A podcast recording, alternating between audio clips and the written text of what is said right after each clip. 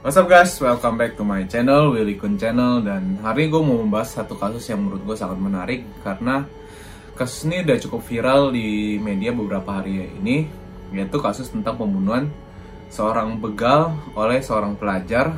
Tapi pelajaran ini malah dihukum sumur hidup Padahal dia ingin membela pacarnya yang mau diperkosa oleh begal. Tapi sebelum gue mulai video ini, jangan lupa untuk selalu support channel ini dengan cara subscribe karena subscribe itu gratis jadi tinggal klik tombol subscribe-nya. Kalau kalian mau tahu tentang gue lebih lanjut jangan lupa untuk follow instagram gue juga di Willy Kun nah gue akan langsung baca nih kronologinya. Kasus pembunuhan begal oleh seorang pelajar di Malang Jawa Timur menarik perhatian publik belakangan ini. Soalnya pelajar yang bernama ZA didakwa hukuman sumber hidup atas perbuatannya. Insiden JA dirampok kawanan begal terjadi pada minggu malam 8 September 2019 di Jalan Desa Gondang Legi Kulon, Malang. Nah, kronologis kasus ini di mana ZA lagi jalan sama pacarnya malam itu menggunakan sepeda motor dan tiba-tiba didatangi oleh empat orang pria yang rupanya adalah gerombolan begal yang bernama Misnan 35 tahun, Ahmad 22 tahun dan Rozikin 25 tahun yang rupanya mereka bertiga ini adalah kakak dan beradik. Nah, satu lagi pembegalnya ini belum diketahui namanya dan sampai sekarang masih buron. Saat kejadian, di situ Misnan pura-pura mencari burung puyuh, padahal di tempat itu itu adalah tempat kawasan mereka melakukan aksi begalnya. Nah, jadi pas Misnan pura-pura cari burung puyuh ini, dia melihat ada ZA dan pacarnya lagi di sana dan akhirnya dia ngasih kode ke temen-temennya buat tampirin ZA dan pacarnya. Nah, akhirnya setelah dia memberikan kode itu, akhirnya ZA dan pacarnya ini dirampas barang berharganya, yaitu handphone dan motornya si ZA. Karena di situ ZA takut untuk melawan, akhirnya dia menyerahkan barang berharganya begitu aja tanpa perlawanan sama sekali. Tapi habis itu, karena begal-begal ini gak puas dengan apa yang mereka rampas, akhirnya mereka minta supaya ZA menyerahkan pacarnya ini untuk diajak bercinta.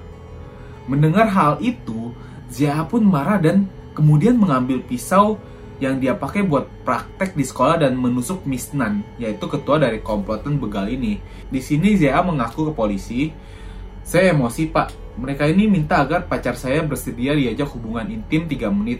Akhirnya saya melawan, saya ambil pisau dan menusukkan ke bagian dada pelaku, yaitu si Misnan. Kata Zia begitu.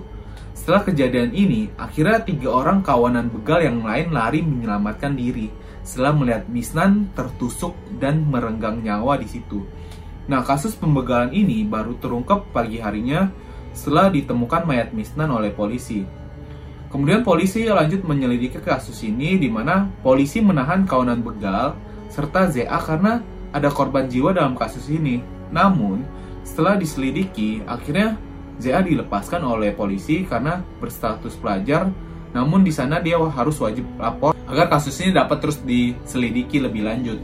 Nah setelah diselidiki, pengakuan dari ZA ini dia bilang kalau dia ini membunuh Misnan karena melakukan pembelaan diri.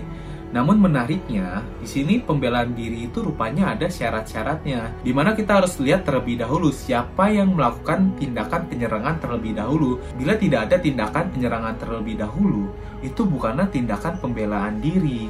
Jadi gampangnya kayak gini. Jadi kalau misalnya ada seorang begal yang datang bawa golok ke kita, terus dia mengayunkan goloknya untuk membunuh kita, dan kita menghindar kita mengambil goloknya, terus kita bacok bales itu merupakan tindakan pembelaan diri. Namun apabila ada kawanan begal datang ke kita, dia bawa golok, terus kita lihat golok itu, kita langsung keluarin pisau kita, kita tusuk kawanan begal ini, itu bukan tindakan pembelaan diri. Nah selain itu juga ada pertimbangan non substitusi di mana tidak ada pilihan lain selain kita yang membunuh atau kita yang dibunuh.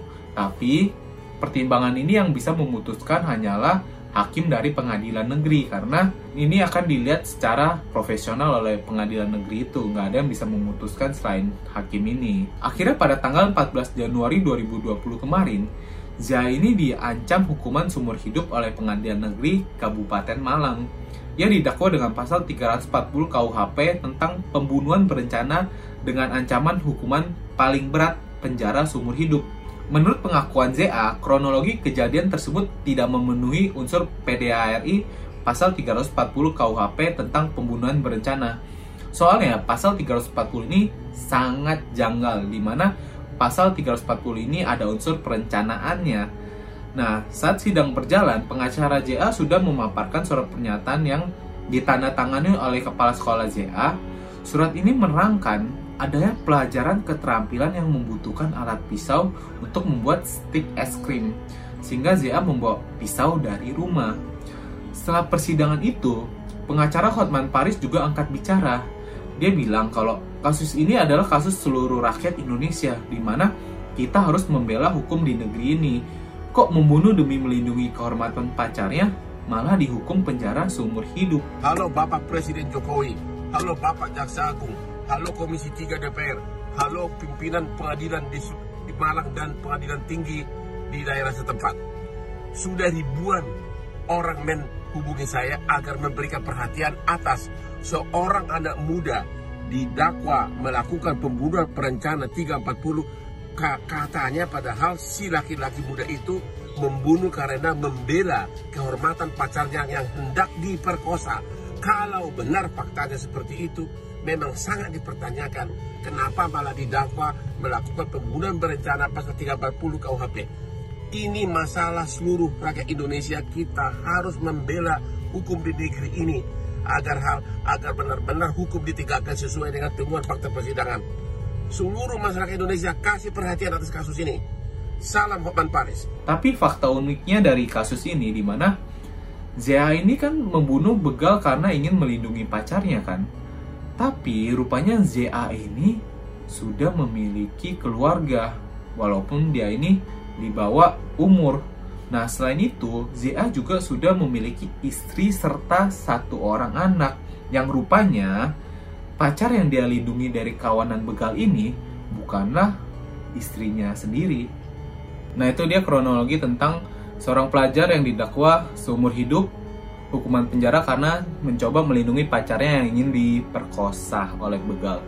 Tapi menurut gue dari kasus ini yang menarik adalah ya kalau seseorang dihadapkan pada keadaan seperti itu, secara refleks dia udah tahu kalau pembegal itu ada keinginan jahat kan pastinya Nah jadi kalau gue yang ditempatkan di posisi itu ya gue akan melakukan tindakan yang seperti dia melindungi diri gue dan melindungi pacar gue dengan ya nggak ada pilihan lain lagi selain membunuh si begal ini. Karena kalau kejadiannya begal itu udah melakukan tindakan pertama untuk berusaha membunuh, gue yakin sih Zia ini akan jadi korban di sini. Tapi ya namanya kasus di Indonesia harus diselesaikan secara hukum. Gue tidak akan menitik beratkan siapa yang benar dan siapa yang salah. Biarkan yang berwajib lah yang mempertimbangkan itu dan mengeluarkan hasilnya. Jadi gimana kelanjutannya kita saksikan terus ya. Apakah Zia akan dihukum seumur hidup atau dia akan dilepas? Kita lihat ke depannya bagaimana. Itu dia video hari ini guys. Semoga bermanfaat dan menjadi pelajaran buat kita. Dan jangan lupa untuk selalu support nih guys dengan cara subscribe ya. Klik tombol subscribe-nya gratis. Tis tis tis tis. Oke okay guys, itu dia video hari ini. See you guys in the next video. Thank you.